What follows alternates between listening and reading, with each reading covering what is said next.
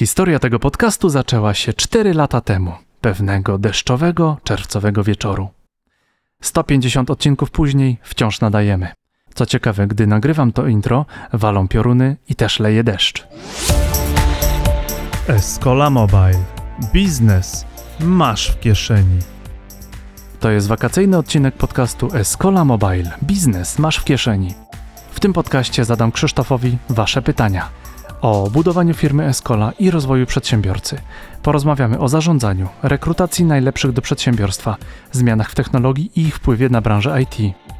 Oczywiście porozmawiamy o sztucznej inteligencji, jej wpływie na nasz biznes i o tym, jak Escola nadaje sens hype'owi na AI. Jeśli słuchasz nas podczas biegania, życzymy dobrego kręcenia kilometrów. Jeśli jedziesz autem, szerokiej drogi, a jeśli siedzisz w fotelu, rozsiądź się wygodnie. W każdym przypadku zostań z nami do końca, bo ostatnie pytanie może być dla Ciebie niezwykle ciekawe, jeśli chcesz wiedzieć, jak Krzysztof robi ten podcast. Na pewno znajdziesz tutaj coś dla siebie. Zapraszamy do wysłuchania 150 odcinka podcastu Escola Mobile. Dzień dobry, dzień dobry, to jest Escola Mobile Live, a ten głos, który słyszycie, to wcale nie jest Krzysztof Wojewodzic, tylko to jest Jędrzej Paulus, który jest producentem tego podcastu, a dzisiaj moim gościem jest host tego podcastu Krzysztof Wojewodzic, prezes Escola SA. Dzień dobry Krzysztofie. Cześć Andrzej, cześć wszystkim, którzy nas słuchają i słuchali przez 150 odcinków. Tak, wychodzi mniej więcej 40 odcinków rocznie, ale to się akurat bardzo składa, bo mamy czerwiec 2023 i mniej więcej w czerwcu 2019 podczas tego e, takiego deszczowego wieczora pojawiła się ta informacja, że może byśmy jednak ten podcast. Z tego co rozumiem, umówiliśmy się na 10 odcinków, jesteśmy 140 odcinków później, 150 odcinek. Zaczniemy od razu bo tak jak mnie uczyli koledzy z radia, należy chwycić attention od razu. I Ladies First, Agnieszka Wnuk, zajmuje się marketingiem, zadaje pytanie o Twoją pracę. Czy jest coś w Twojej pracy, czego nie lubisz? Pozdrawiam Panią Agnieszkę. Czy pozdrawiam Cię, Agnieszko? To jest trudne pytanie, bo ogólnie bardzo lubię pracę w Escoli.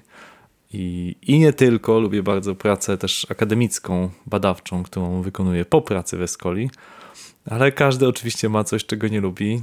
Ja, może to zabrzmi dość w sposób oczywisty, ale ja nie lubię problemów, a problemy ciągle się pojawiają. No typ problemów, który najbardziej nie lubię, to są konflikty ludzkie. Jako prezes Escoli czasami muszę komuś przyznać rację albo zdecydować, że jednak to Adam lub Piotr e, ma rację w tym konflikcie, lub postąpimy tak, jak sugeruje Adam lub Piotr, a każdy twierdzi, że ma rację. I to jest ta część, której najbardziej nie lubię.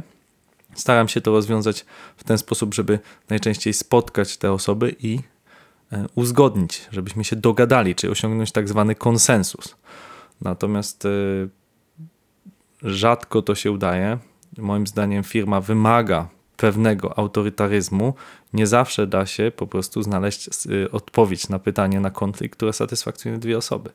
Więc to jest chyba coś, czego nie lubię najbardziej, co nadal jest przedmiotem e, mojej pracy. Bo oczywiście jest wiele rzeczy, których również e, niespecjalnie lubię. E, na przykład niespecjalnie lubię zajmować się sprawami administracyjno-finansowymi, ale tymi już w niewielkim stopniu się zajmuję tylko i wyłącznie osoby, które raportują do mnie, CFO, czy szef administracji, no mówią mi, jaki jest nasz stan, nasz stan finansów, czy idziemy w dobrą, czy złą stronę, jakie są prognozy na przyszłość, więc no, zajmuję tylko kwest się kwestiami decyzyjnymi. Więc na dzień dzisiejszy najbardziej nie lubię tego, tej kwestii. Dwie osoby się kłócą, mówiąc wprost, każdy twierdzi, że ma rację, prezesie zdecyduj. I tutaj nawiązujemy do pytania Karola. Karol kiedyś zauważył Twoje Life-Work Balance to jest hashtag, który promujesz i takie podejście, które promujesz do e, jako odwrotność tego work-life balance, którym się każdy bardzo chwali, ale jest e, nie ulega wątpliwości, że kiedy masz life i work, to to musi być e, w jakiś sposób zbalansowane. I gdy rośnie ci firma, Escola urosła od kilku, kilkunastu osób do, do ponad 100 osób, to potrzebna jest również zmiana w sposobie zarządzania. Oprócz rozwiązywania konfliktów, co jeszcze było takim dużym wyzwaniem, abyś e, musiał się czegoś nauczyć, aby balansować między pracą, aby jedno nie, nie zjadało drugiego, nie podgryzało drugiego. Okej, to sformułuj Jędrzej bardziej pytanie. Czy pytasz o to, jak mieć life-work balance przy rosnącej firmie, czy pytasz o wyzwania organizacyjne? To zapytam o dwie rzeczy. Mhm. E, o największą zmianę w sposobie zarządzania i o Okej. to, jak utrzymać porządek w głowie. Największa zmiana w sposobie Okej, zarządzania. Największa zmiana w sposobie zarządzania to jest przejście od duetu do zespołu. Wydaje mi się, że zarządczo bardzo dobrze nam szło w duecie jeszcze z Przemkiem Pyzielem wtedy, e, czyli on w roli osoby sprzedającej, a ja w roli bardziej osoby egzekucyjnej. I w którymś momencie zrobiliśmy roszadę, czyli ja stałem się bardziej osobą sprzedającą e, i Przemek sprzedał swoje udziały w Escoli, przyszedł Paweł jako osoba egzekucyjna e, i to dało dużo lepsze efekty. Więc powiedziałbym roszada, czyli przejście moje w kierunku od egzekucji do sprzedaży bardzo napędziło firmę i tak naprawdę reszta jest pochodną, czyli ja coraz bardziej zajmuję się już nawet nie sprzedażą, co marketingiem, rozwojem marki, strategią, a egzekucją zajmują się pozostałe osoby, no to stanowisko jest już, moc, już, już jest mocno rozmnożone na CTO, szefową projektów Monikę, e, na CTO Mateusza, na osoby wykonawcze Pawła, Marcina, więc powiedziałbym, że to była taka największa zmiana i wydaje się, że skuteczna, no bo pozwoliła nam dużo szybciej rosnąć. Jeśli pytasz o life-work balance, to moim zdaniem skala firmy jest wtórna, zależy raczej od, od Twoich priorytetów, bo paradoksalnie, jak jest większa firma, to oczywiście problemów jest więcej, ale też jest więcej osób, które mogą w nich pomóc, czy je rozwiązać. E, Jakieś trudne kwestie, jest więcej osób, które pomagają w sprzedaży, jak i w wykonywaniu. E, A life work balance, moim zdaniem, to jest pewna decyzja. Tak? I to trzeba pamiętać, że to jest koszt, coś kosztem czegoś. Gdybym mniej jeździł na rowerze, mniej uprawiał kitesurfingu, czy mniej spędzał czasu z rodziną, to na pewno firma mogłaby rosnąć szybciej. Tak mi się wydaje.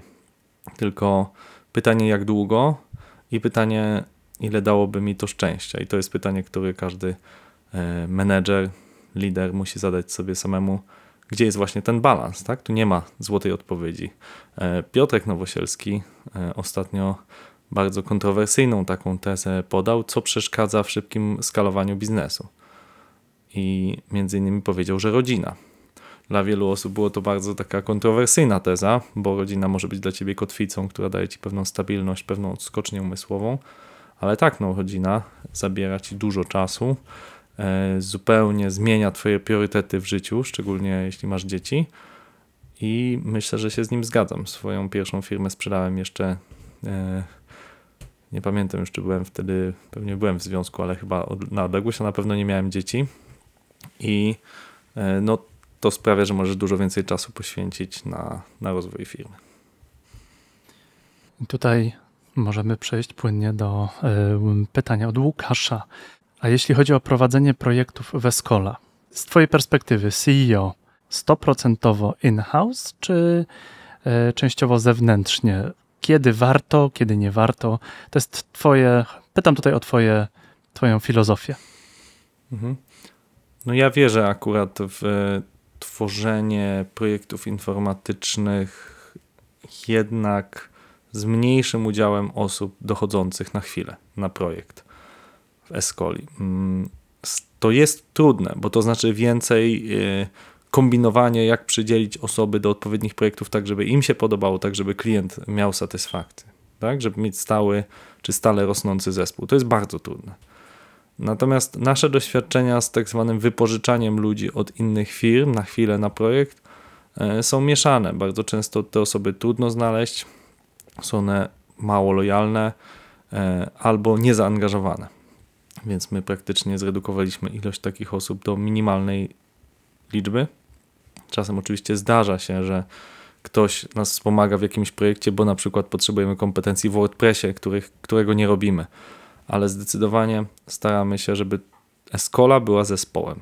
Escola chce, żeby była zespołem, który jest w miarę jakby jednorodny, który ma te same wartości, a w przypadku osób, które są wypożyczane, na projekty, czyli outsourcowane do, jeszcze z innych, e, to mamy jakby za dużo też tych stopni, no bo zazwyczaj my robimy projekt dla kogoś, albo my wykonujemy projekt, albo też w jakiś sposób tworzymy zespół dla klienta. No więc jeżeli ten zespół jest tak mocno jeszcze doklejany z kogoś, kto ma kulturę i sposób myślenia poza eskolą, musi się nauczyć jakichś tam narzędzi i tego, jak my realizujemy projekty, no to staje się wtedy tylko i wyłącznie najemnym programistą. Jeżeli jest bardzo dobry, to sobie poradzi.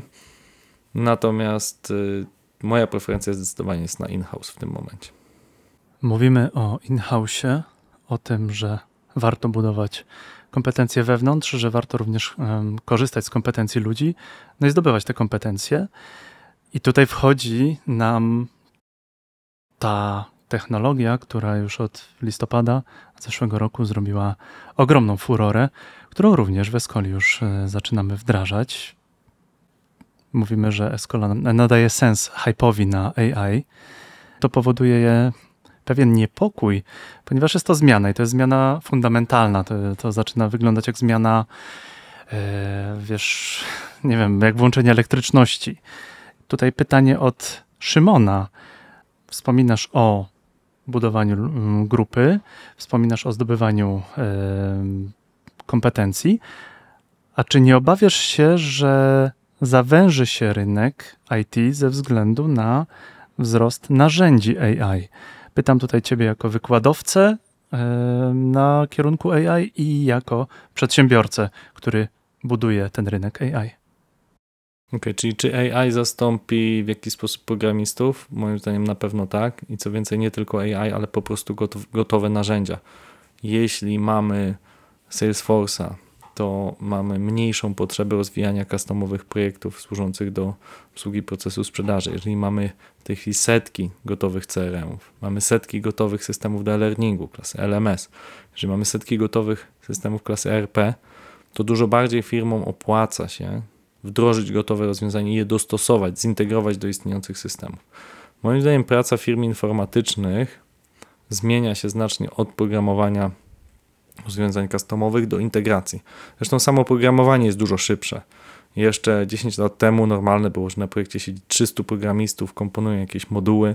Dzisiaj to jest 5 programistów, maksymalnie 10, którzy składają, integrują, łączą po API różne komponenty. Jest to po prostu znacznie szybsze, można dużo więcej wszystko zrobić. Z AI-em to jeszcze poczekamy chwilę na takie bardzo namacalne efekty, bo na razie to są próby różnych narzędzi, natomiast jak już przychodzi do faktycznego stosowania GitHub Copilot czy Tab9, takich konkretnych narzędzi do przyspieszenia programowania, one jeszcze mają szereg wad. Prowadzę też projekt naukowy, który jakby wskazuje na, je, na te wady, głównie pod kątem bezpieczeństwa, właśnie to, że one kopiują gotowe biblioteki i y, są przez to bardzo przewidywalne. Tak? Więc AI jeszcze parę lat, natomiast bardziej bym powiedział, że mamy do czynienia już od wielu lat z rewolucją odchodzenia od pisania kodu na rzecz integracji gotowych narzędzi, gotowych bibliotek. I Escola też za pomocą naszej strategii produktowej też chce być na tej fali, to znaczy chcemy bardzo, żeby tworzyć e, rozwiązania dla naszych klientów, które przyspieszą im skomponowanie, na przykład systemu de-learningu mamy ten system e, Welms, czy na przykład do e-commerce'u mamy Heseję, która pozwala, że jeżeli ktoś chce stworzyć sklep, to może to zrobić znacznie szybciej. Tu my nie mamy gotowego całkowicie sklepu, bo takie są rozwiązania, czy Shopify, Shopper, e, można sobie taki sklep czy na WordPressie postawić. Jeżeli ktoś chce coś więcej, właśnie pointegrować różne komponenty, no to bierze Heseję.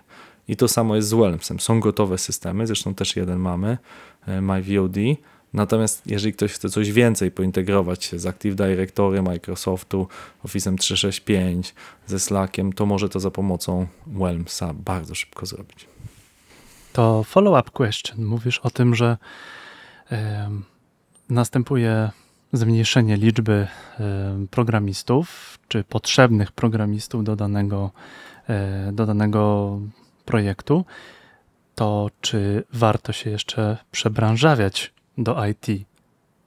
Znaczy to tak, to precyzujmy. To znaczy trzeba mniej programistów, żeby zrobić jeden projekt o stopniu złożoności X, natomiast w tej chwili jest dużo więcej projektów i ich stopień złożoności to jest 2X, 5X, a czasem 10X, który robi ta sam, ten sam zespół programistów. Tak? Więc dalej potrzeby przechodzenia, nie wiem, z sklepów stacjonarnych do e-commerce'u, potrzeby przechodzenia learningu z sal do e-learningu są dalej ogromne i może nam w branży IT wydaje się, że już bardzo dużo osób ma wdrożone pewne systemy, to nieprawda. Wystarczy pójść do tak zwanego polskiego przemysłu, gdzie widzimy, że tam jeszcze bardzo wiele rzeczy jest nieodkrytych i samo wdrożenie, nie wiem, Office 365 czy, yy, czy chmury Google'a jest dużą rewolucją, dużym odkryciem, bo faktycznie do produkowania, nie wiem, wkrętowiertarek czy masowego produkowania, nie wiem, woreczków na biżuterię nie potrzeba niesamowitego sprzętu IT.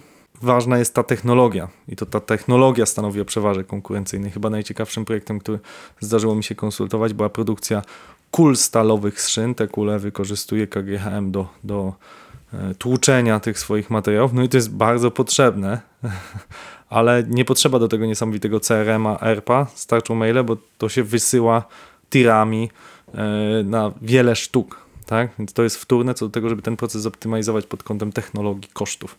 E, I tam są patenty, tak? jak zrobić z szyny porządną kulę stalową.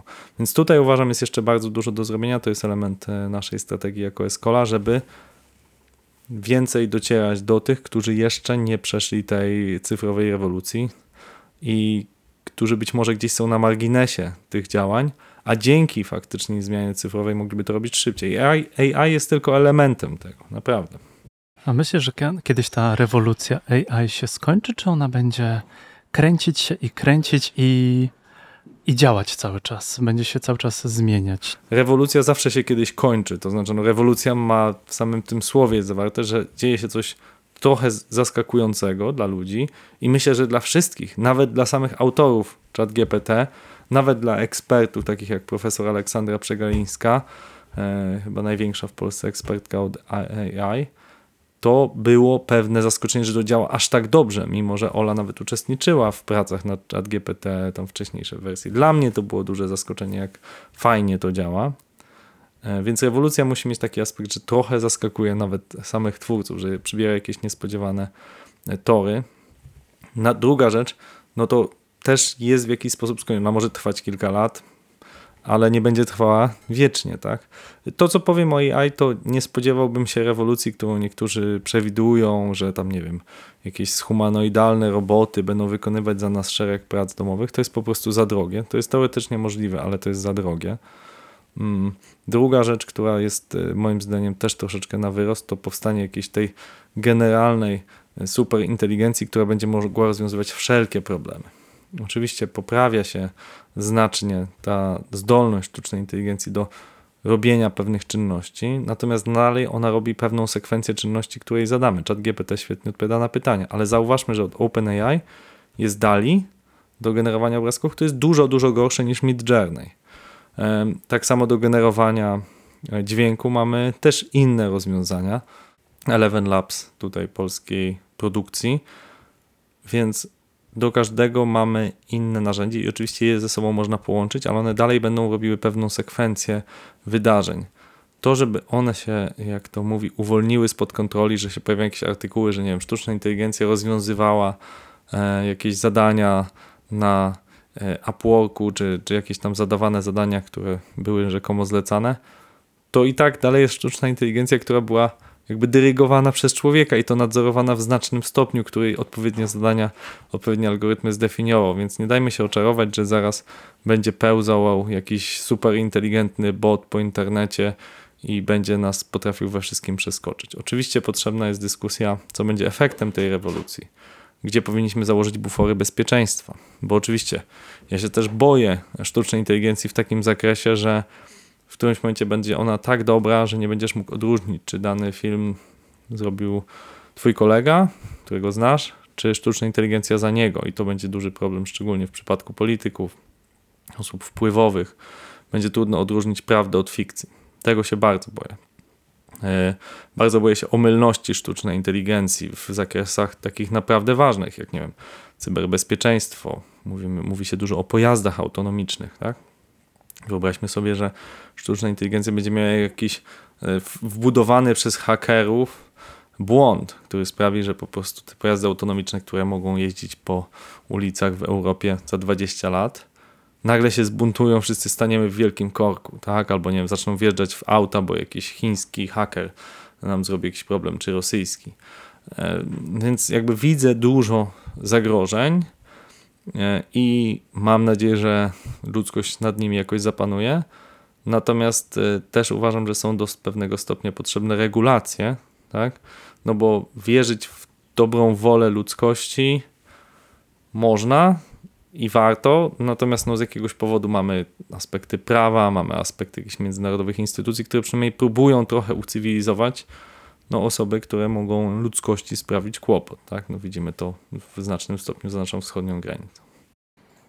Tak w pytaniu, czy jesteś technooptymistą czy pesymistą, mam wrażenie, że wybierasz trzecią drogę takiego technorealisty i spokojnego, bezhypowego podejścia. Mm, trudno, trudno być e, technooptymistą jednak, patrząc na, tym, na to, co się stało z social mediami.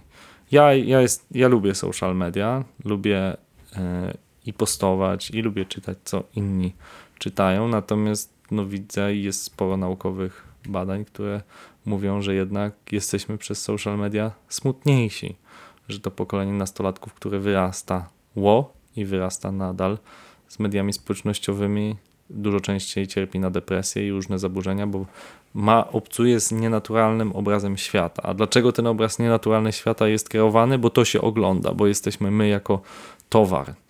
Tak, tak przedwczoraj takie porównanie miałem, że wyobraźmy sobie, że jakąś taką muchę, że w toku ewolucji powstała mucha, która nie wiem, przebija nam błonę bębenkową i nam wyjada jakieś kawałki mózgu, no to, to ta taka na szczęście nie powstała, toku ewolucji naturalnej, biologicznej, ale taką muchą niestety są social media i one, my sami wpuszczamy tą muchę, żeby nam wyjadła kawałek mózgu, żebyśmy byli stale pobudzeni tym telefonem, e, czy, czy, czy za chwilę googlami VR i to jest coś, co, co jest, sprawia we mnie, że mam mieszankę optymizmu i pesymizmu sobie, bo na krótką metę wiele rzeczy jest fajnych. E, powiem o drugiej rewolucji, którą mieliśmy 15 lat temu, czyli uberyzacja, czy coś, co szerzej było nazwane shared economy. I to też w początku wygląda bardzo fajnie, tak? Mam trochę czasu po pracy, podwożę ludzi autem, dorabiam jakieś pieniążki, nie ma dodatkowych kosztów, to wszystko jest tańsze, ale taksówki dalej istnieją i wykonują profesjonalne usługi. E, jest Airbnb, które mówi: OK, mam moja partnerka wyjechała na dwa tygodnie, mam wolny pokój, lubię gości, organizuję mini hostel ze swojego domu, to znaczy nocuje tam pojedyncze osoby czy malutkie grupy, żeby, e, żeby po prostu mieć gości. Ja sam to robiłem e, nie wiem, 8 lat temu, mając duże mieszkanie, po prostu wynajmowałem jakieś pokoje w momencie, kiedy moja partnerka była poza domem. I co? Było to super doświadczenie, spotkałem świetne osoby. Ale Airbnb to przede wszystkim jest po prostu omijanie prawa. Tak? W związku z tym jak działają hotele, hostele i raczej oceniam wpływ e, Airbnb i temu podobnych startupów jako negatywny dla tkanki miejskiej, tak? No bo e, miasta takie jak nie wiem, Gdańsk, czy w Polsce, czy Barcelona, no po prostu nagle budują, czy Kraków, budują całe osiedla, które wielkie fundusze albo mniejsze fundusze po prostu zamieniają na jakieś sieci hosteli. Więc moje podsumowanie jest takie, że często jakaś rewolucja dobrze się zapowiada i dobrze brzmi na początku. To shared economy wszystkich nas fascynowało, natomiast w praktyce dochodzi do jakichś wynaturzeń.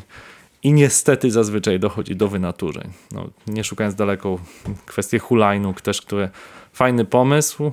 Po paru latach okazuje się, że pełno jest zaśmieconych miast tymi hulajnogami, połowa z nich nie działa i gdzieś tam leży po krzakach.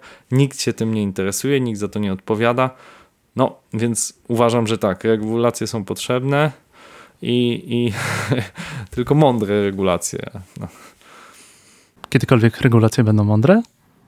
Tak, da jest się? bardzo dużo mądrych regulacji. Mogę ci dawać setki przykładów. No wiem, regulacja pod tytułem tego, że masz roaming w całej Europie za mhm. darmo. To jest mądra regulacja, która bez tego, że jest regulacją, by się nie udała. Wystarczy, jak powiedzieć, że to Szwajcarii, to się przekonasz, co to jest brak regulacji. Jak Ale, albo w Turcji odpalisz Google Maps. Tak? no, to już jest inna, to jest jakby państwo polityczne. E, ale Kolejna rzecz, e, która jest dobra, która teraz weszła, no to jest standaryzacja USB-C. Nie widzę absolutnie powodu, dla którego Apple ma swój standard, który w ogóle jest bardzo nieefektywny. To złącz Lightning ma już kilkanaście lat, jest, jest bardzo nieefektywny w info, informacji, przesyłaniu informacji, a dodatkowo no, powoduje masę śmieci, mimo że Apple twierdzi, że jest eco i friendly, to wcale nie jest. Nie można używać innych zamiennych ładowarek nie widzę powodu, dla którego wszystko nie miałoby być do pewnego obciążenia ładowane na USB-C. To jest dobrym standardem i konkurujmy na inne komponenty, tak? Konkurujmy, nie wiem, jakością urządzeń, ekosystemem, oprogramowaniem, ok, a nie tym, że mam ładowarkę tylko do iPhone'a. Tak? Więc jest wiele regulacji, które są dobre. W tej chwili mieliśmy przecież niedawno na Escola Mobile rozmowę o regulacjach, czyli tym AI Act, i no jest tam wiele pozytywnych rzeczy, czyli posortowanie tego, jak sztuczna inteligencja wpływa na nasze życie. W zależności od tego, im bardziej wpływa, tym bardziej powinna być ograniczona. Jeżeli wpływa w niewielkim stopniu, no to nie musi być bardzo ograniczona, tak? I mogę sobie wyobrazić, że faktycznie AI będzie w jakiś sposób oznaczane, a jak nie to eliminowane i z czasem pewnie te, te regulacje będą ulegały przeobrażeniu. Natomiast wydaje mi się, że regulatorzy też są zazwyczaj coraz mądrzejsi, bo się nauczyliśmy na RODO, że pewne rzeczy, które RODO czy GDPR wprowadziły, były fajne. Wiem, prawo do zapomnienia, e, jakieś kwestie związane z anonimowością, nieprzechowywaniem jakiejś tony danych zupełnie nikomu niepotrzebnych, które tylko jedynym efektem było to, że wyciekały, na rzecz tego, że mamy te dane naprawdę są wartością i mamy je przechowywać w należyty sposób. Oczywiście też to się trochę wypaczyło, prawnicy swoje zarobili i na pewno warto by było je poprawić, żebyśmy nie musieli klikać tych ciasteczek na każdej stronie, bo to faktycznie jest bez sensu i wszyscy są z tym zgodni, myślę, że włącznie z regulatorami. My tutaj rozmawiamy o biznesie, rozmawiamy o tym, w jaki sposób Escola się rozwija. E, ty jesteś również znany z tego, że jesteś no, startuperem, masz 2,5 exitu. E, rozwijałeś, konsultujesz, pomagasz, uczestniczyłeś na Founders Mind. Mówię, że mnóstwo osób podchodziło do ciebie, chciało uzyskać twojej, e, twoją, twoją ocenę jako człowieka, który ma już pewne doświadczenie w budowaniu tego. I czy jest, czy będzie gdybaniem takie pytanie od Dawida, kiedy będzie miejsce, koniunktura, faza księżyca na B2B, a kiedy na B2C?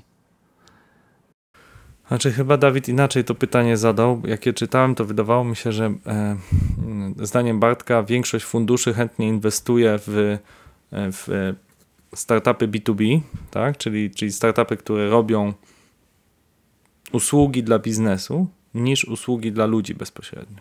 Zastanowiło mnie to pytanie Twoje, Dawid. Mm, czy faktycznie fundusze niechętnie inwestują w usługi B2C w Polsce, bo to było w kwestii środowiska polskiego.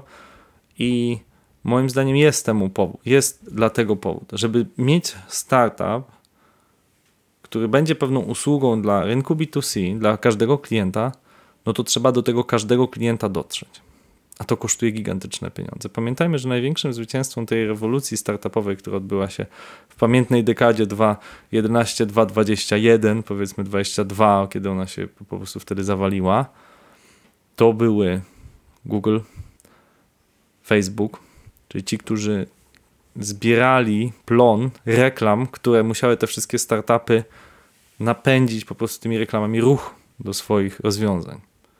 To jest prawdziwy zwycięzca tych, tych, tej startupowej rewolucji.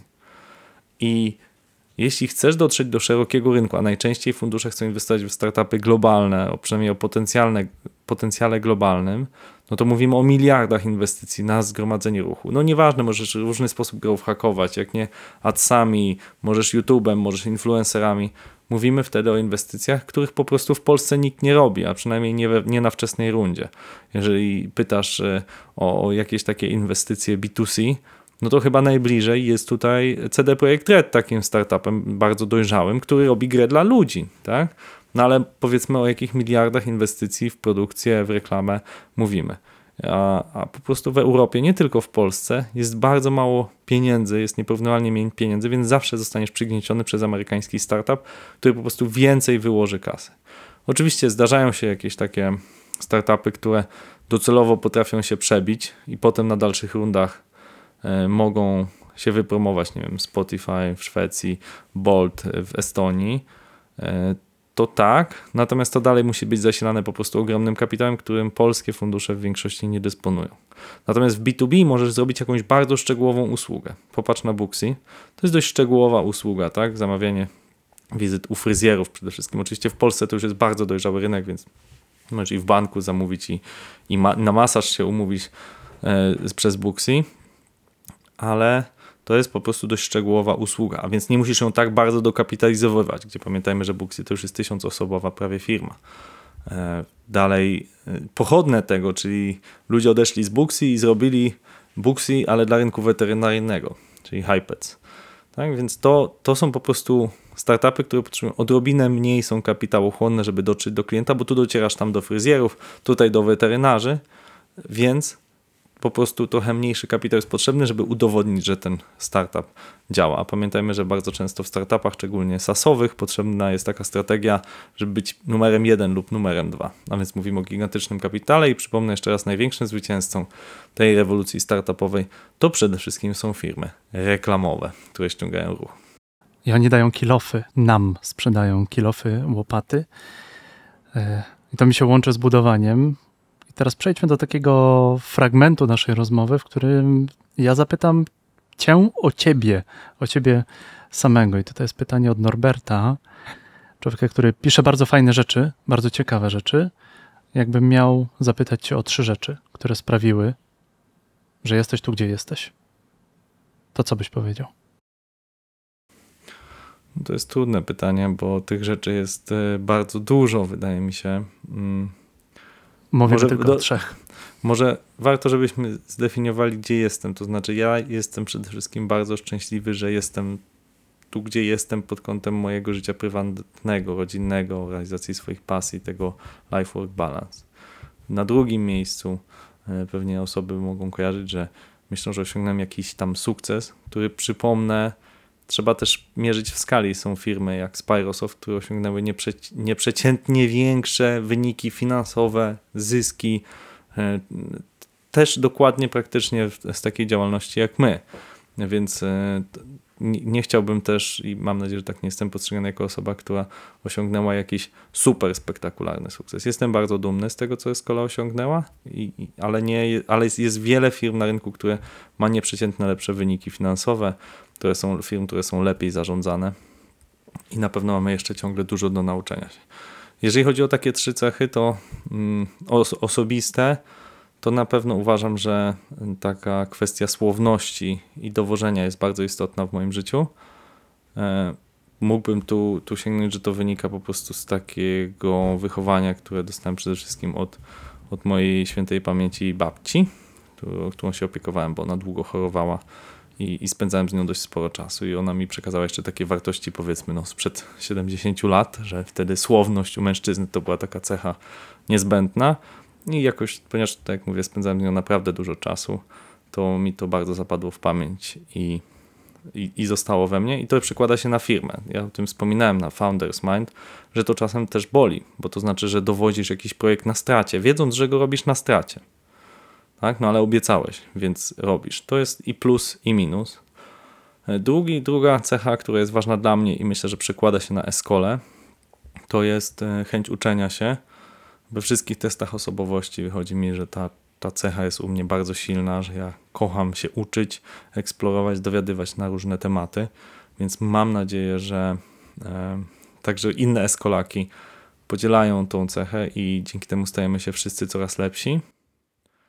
E, A trzecia cecha, uważam, to jest optymizm. Zauważyłem, że bardzo wielu przedsiębiorców, którzy odnoszą sukcesy, to są osoby, które patrzą z optymizmem, że przyszłość jest lepsza. Jeżeli wierzysz, że przyszłość jest lepsza i że ludziom ogólnie można ufać, to prędzej z kimś robisz biznes. Prędzej możesz zaciągnąć kredyt. Prędzej możesz wypuścić akcje, wierząc, że dzięki lepszej przyszłości zwiększysz ich waluację. Wiele osób pyta mnie, no jak się zmotywować e, w moim startupie?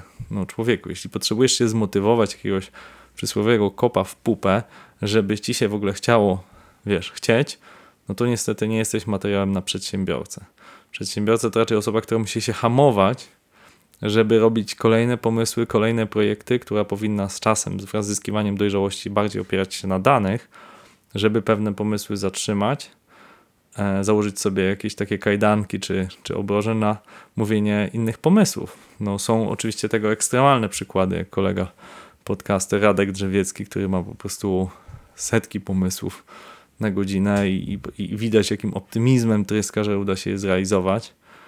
Mm, Czy, czy no mógłbym długo wymieniać, kilka nazwisk mi przychodzi do, do głowy, no ale optymizm uważam jest bardzo ważną i pomocną cechą w rozwijaniu wszelkich przedsięwzięć, no i, i w biznesie także. To ja jako urodzony z kolei pesymista obserwuję Twoje działanie i e, nie to, że powoli się przekonuję, co wdrażam takie momenty. Ja po prostu jestem totalnie po drugiej stronie barykady. E, u mnie mój pesymizm jest bliżej takiego sceptycyzmu, może nawet takiego mm, zdrowego sc- sceptycyzmu.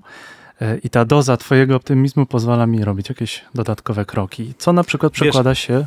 Tak? Wiesz, Andrzej, moim zdaniem to dobrze działa w duecie. Popatrz, my też jesteśmy duetem robiącym te podcasty. Jeżeli ktoś jest całkowicie optymistyczny, no to na przykład nie widzi swoich błędów i ty mi często wskazywałeś jakieś błędy, że powinienem, nie wiem, poprawić kamerę, ustawienie mikrofonu. No jak ja bym byłby taki bezkrytyczna osoba, no to bym mówiła, że wszystko jest super, tak? Więc No bardzo nie, nie, często nie. to, to działa w duecie i, i często określa, że CEO to jest chief optymist, tak? czy, e, czy, coś takiego. executive optymist. No, tak. I, I to nie bierze się z niczego. I bardzo często znam duety, gdzie jest właśnie ten CEO, który ma te pomysły, cały czas chce zrobić wszystko, żeby było cudownie dla wszystkich. No i jest ktoś, kto twardo patrzy na liczby i potem, że trzeba będzie to zrobić. I no, u nas na pewno w Escoli jest taką osobą Paweł Konecki, który potem to, co ja na przykład z moim flow chcę obiecać klientom, no to on potem musi to dowieść. To jest bardzo trudna rola i e, wyczerpująca, tak? Bo też pamiętajmy, że ja stracę swój optymizm, jak zacznę być bardzo blisko operacji, bo wiadomo, że e, potem wymagają one niezwykłej determinacji, żeby faktycznie to dowieść. Także tu bardzo często dobrze, jak się to uzupełnia i znam wiele firm, gdzie właśnie mamy do czynienia z takim duetem, gdzie jest ktoś, kto jest bardzo optymistyczny i ma pomysły, a potem są osoby, które pomagają to urealnić. Pozdro Paweł. Ja bym chciał zapytać jeszcze e, o jedną osobę ze Skoli. Em, W czasie pandemii mieliśmy rozmowę z Maćkiem Madzińskim. Maciek wtedy zarządzał firmą Cross, którą świetnie em, zmienił, tak że firma zaczęła wspaniale rosnąć. Po kilku latach Maciek jest również moim szefem, czy naszym szefem, człowiekiem, który wziął tę eskolę i ją prowadzi. To pytanie od Pawła. Co zadecydowało, że pomyślałeś o ściągnięciu do teamu doktora Maćka Madzińskiego? Okej, to może tak. To jest szersze pytanie, w jaki sposób rekrutuje się, nazwijmy to, super talenty do rosnącej firmy, bo Escola jest scale-upem w tym momencie, tak? Czyli, czyli zależy nam na skalowaniu w tempie kilkudziesięciu procent, minimum 20% rocznie. Tak się przyjmuje jako scale, w przypadku Escoli no to średnia jest znacznie wyższa. To z Maćkiem mieliśmy relację taką, że Maciek był już w Radzie Nadzorczej, więc znał firmę, tak? wiedział, co się w środku dzieje. E, Znał mnie, jeszcze do, dołączył do tej Rady Nadzorczej, bo znaliśmy się znacznie wcześniej. Chyba poznaliśmy się, jak próbowałem e, zostać szefem e-learningu e, w, na Koźmińskim. Bodajże to było 9 lat temu. I wtedy chyba się poznaliśmy, mieliśmy kontakt z różnych działań biznesowych. Więc to jest ważne, żeby mieć z kimś jakąś minimalną relację. Ona nie zawsze jest bliska, no ale kojarzy, że ktoś działa w określonym obszarze. Więc wiedziałem, że Maciek działa w określonym obszarze. Znałem go, wiem, że jest skuteczny. Był dyrektorem zarządzającym w Koźmińskim, a potem w Krosie, więc znałem go dłuższy czas. On z kolei znał Eskolę, więc to bardzo pomogło. Drugi aspekt, no to jak przekonać kogoś, kto jest bardzo skutecznym menedżerem, żeby przyszedł do mniejszej organizacji, no to zazwyczaj nie masz aspektu finansowego. Wręcz mm, wydaje mi się, że nie znam dokładnie ile Maciek zarabiał, ale spodziewam się, że mógł zarabiać w Krosie większe pieniądze niż w Escoli. Natomiast to, co możesz dać w zamian, to są dwie rzeczy. Pierwsza rzecz to udział w zysku albo tu i teraz, albo w systemie przyszłych nagród, czyli tak zwanym programie ESOP czy, czy menadżerskim ESOPie, po prostu udział w akcjach Escoli, jak i wpływ na rzeczywistość. Im większa firma, tym wpływ pojedynczej osoby na rzeczywistość jest mniejszy. Więc e, domyślam się, że to Maćka skusiło, e, ale mam nadzieję, że będziesz miał też z nim wywiad i mu to pytanie dokładnie zadasz. E, no ja się, ja może jeszcze jedną rzecz dodam, żeby ci, którzy nas słuchają, mieli wyobrażenie, jak takie negocjacje się prowadzi, to myślę, że teraz już mogę dodać, że myśmy się umówili, że on przyjdzie do Escoli 15 miesięcy wcześniej niż przyszedł, bo musiał podokańczać swoje zadania w krosie. Więc to jest bardzo ważne, że on jakby, nie było to oczywiście na papierze spisane, ale wstępnie tak się dogadaliśmy i e, to jest, to jest istotne, z jakim wyprzedzeniem planuje się pewne ruchy, jeżeli chcemy zrekrutować e, osobę, taką gwiazdę do firmy. Zatem, drogi Maćku, zapraszamy Cię do podcastu Escola Mobile już teraz jako człowiek Escoli, tak zwany Eskolak. Z racji tego, że ja pomagam Ci robić ten podcast, dużo rzeczy się jeszcze wiąże z podcastem. W którymś momencie pojawił się podcast, od tego podcastu zaczęło się tworzyć różne takie okazje, możliwości, relacje.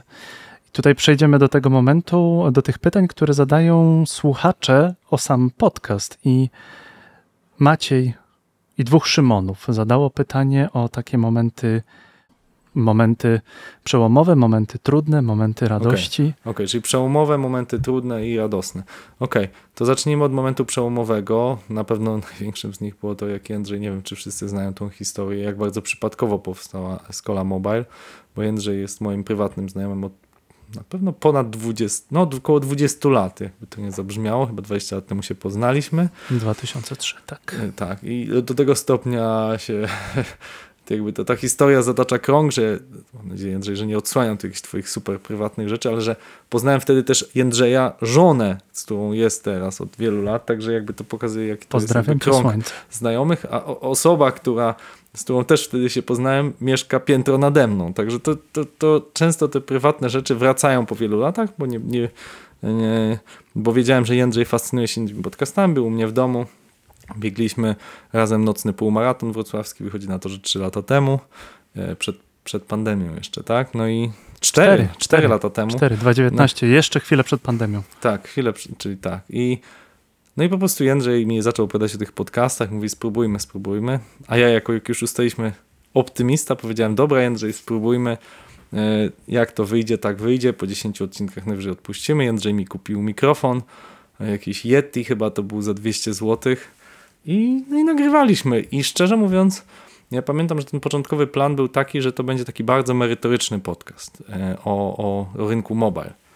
I tak było. Jak posłuchacie, chyba jeszcze odcinki pierwsze są dostępne. To są takie opowieści, jak stworzyć aplikację mobilną. Bardzo merytoryczne, bardzo techniczne. Z czasem ten podcast ewoluował w kierunku odpytywania różnych ekspertów w zakresie nie wiem, mobile gamingu, tak? gier mobilnych. Mamy też tutaj świetny odcinek na, na temat zarządzania projektami, nie tylko mobilnymi. I z czasem on faktycznie troszeczkę ewoluował w kierunku bardziej generalnych zagadnień dotyczących zarządzania w IT.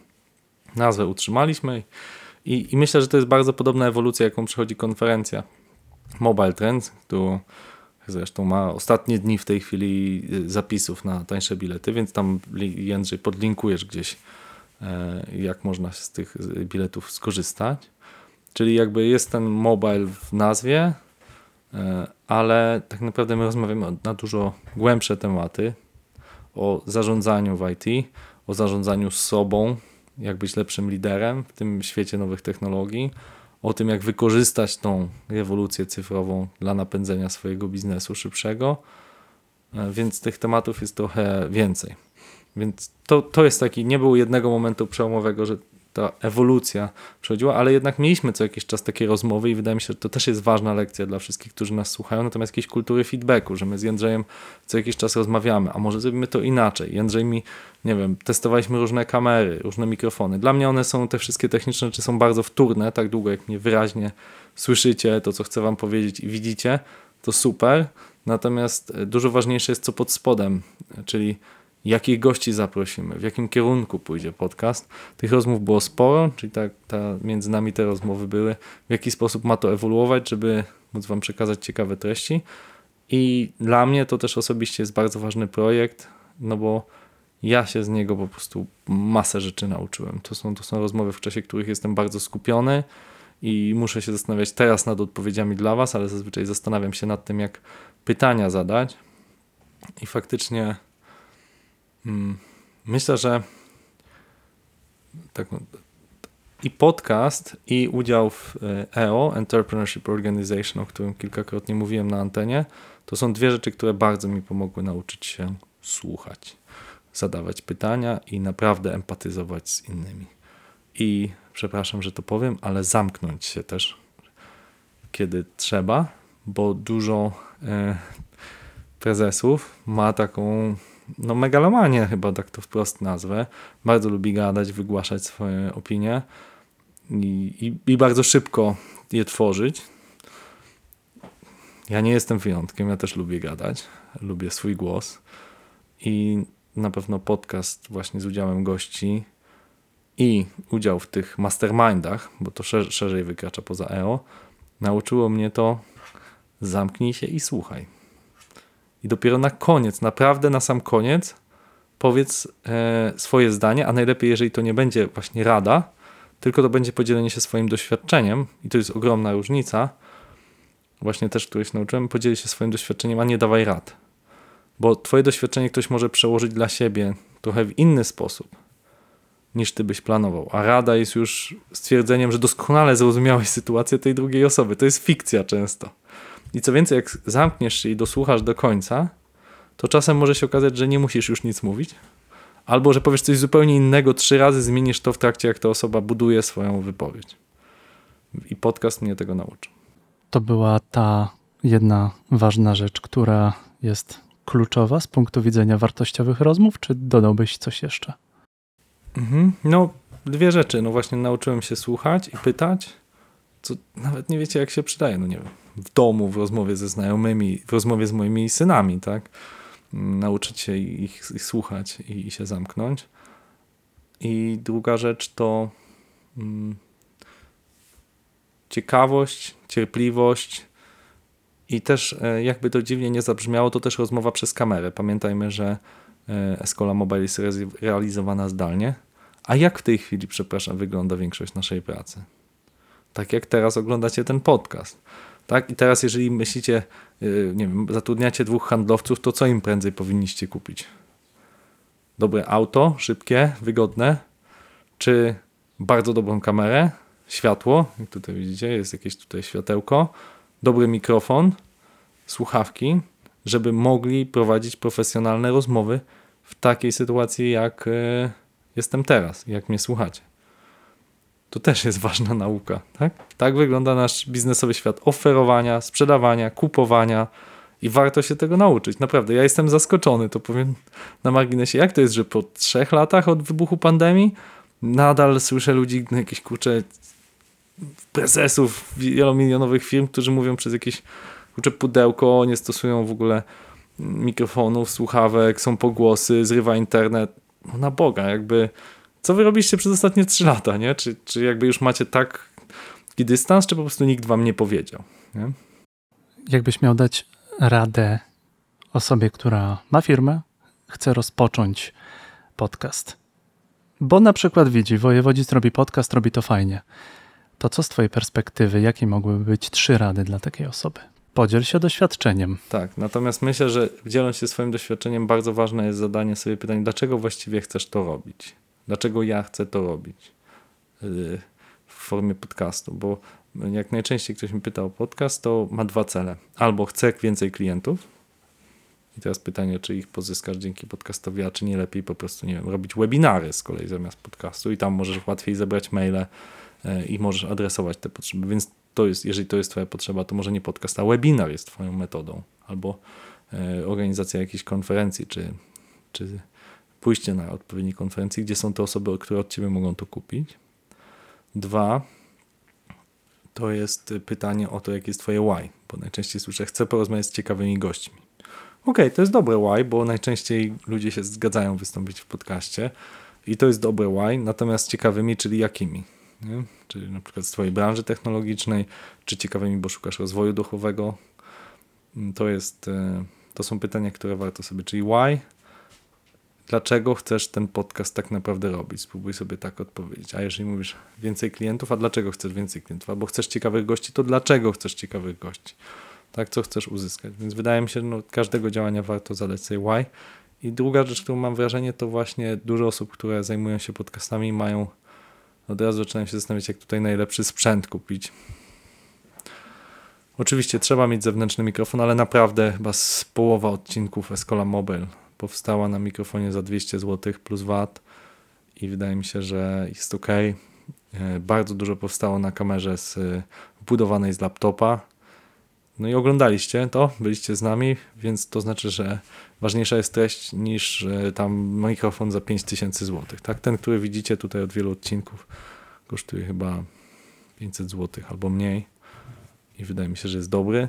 Pewnie byłoby jeszcze super, jakby to były no, mikrofon za 2000, ale ja nie dostanę nagle głosu Szymona Negacza ani Jarosława Kuźniara, więc czasem może też warto rozważyć formę e, tego, jak mówicie, jako istotniejszą niż te technikalia. I tutaj też są fajne warsztaty organizowane przez różnych specjalistów, aktorów, ludzi od emisji głosu, którzy mogą Wam bardzo dużo pomóc. Mi dużo pomógł Jędrzej, bo jak słyszycie, jak Jędrzej mówi, to Jędrzej mówi fenomenalnie. Zakończymy tym naszym why podcastowym, bo to jest myśl, którą ja gdzieś tam udało mi się ukuć dzięki książce Simona Sinka. Simon Sinek, niesamowity człowiek. Escola jako po portugalsku szkoła. To jest miejsce, gdzie dzielimy się wiedzą i my chcieliśmy utworzyć Escolę Mobile jako takie miejsce, do którego zapraszamy najlepszych, bo wierzymy, że dzielenie się wiedzą zwiększa jej ilość i nikt nie traci na tej ilości. Zatem do podcastu zapraszamy najlepszych. Robimy z tego podcast, robimy z tego wideo, robimy z tego blogi, shortsy nawet Zaraz będziemy robić TikToki. i będziemy robić TikToki. Co dzięki temu, drogi słuchaczu, widzu, czytelniku, zyskasz? Możesz się zainspirować do zmiany, możesz skorzystać z wiedzy ludzi, którzy są nie zawsze tacy dostępni od razu. No i możesz coś zmienić, możesz zbudować coś fajnego. Why, how, what? Wiedza, podcast, super wiedza dla ciebie, drogi czytelniku. 50 minut podcastu. Udało nam się. Super. Okej. Dziękuję Wam bardzo, że jesteście z nami. To był 150 odcinek podcastu Escola Mobile. Będzie więcej, bo będziemy się dzielić wiedzą. Nie ma chyba miejsca i momentu, gdy tej wiedzy jest za dużo. Moim gościem był Krzysztof Wojewodzic, prowadzący ten podcast od 150 odcinków, CEO, prezes Escola SA. Ja się nazywam Jędrzej Paulus, jestem producentem tego podcastu. Dzięki, że jesteście z nami. Dzielmy się wiedzą. Do usłyszenia. Cześć. Cześć. Escola Mobile. Biznes masz w kieszeni. Dziękuję za Twój czas i za to, że spędziłeś go z nami. 150 odcinków dzielenia się wiedzą. Zaczynaliśmy z Krzysztofem na prostszych komputerach, na bardzo prostych mikrofonach, nawet nie miałem porządnych słuchawek. Z biegiem czasu to się zaczęło rozwijać. Włączyliśmy YouTube, włączyliśmy bloga, nawet shortsy i TikToki oraz Insta Reels. Wszystko dlatego, aby dzielić się tą wiedzą, aby docierać do najlepszych gości, wyciągać, zdobywać ich wiedzę, to wszystko nagrywać i dawać Tobie w postaci bloga, podcastu czy filmu na YouTubie. Dzięki temu możesz się zainspirować do zmiany, do rozwoju, możesz skorzystać z wiedzy świetnych ludzi. 150 odcinków, ale nie mówimy ostatniego słowa. Mam wrażenie, że właśnie dopiero się rozkręcamy. Ja się nazywam Jędrzej Paulus i jestem producentem tego podcastu. Dziękuję Ci, że jesteś z nami. Do usłyszenia.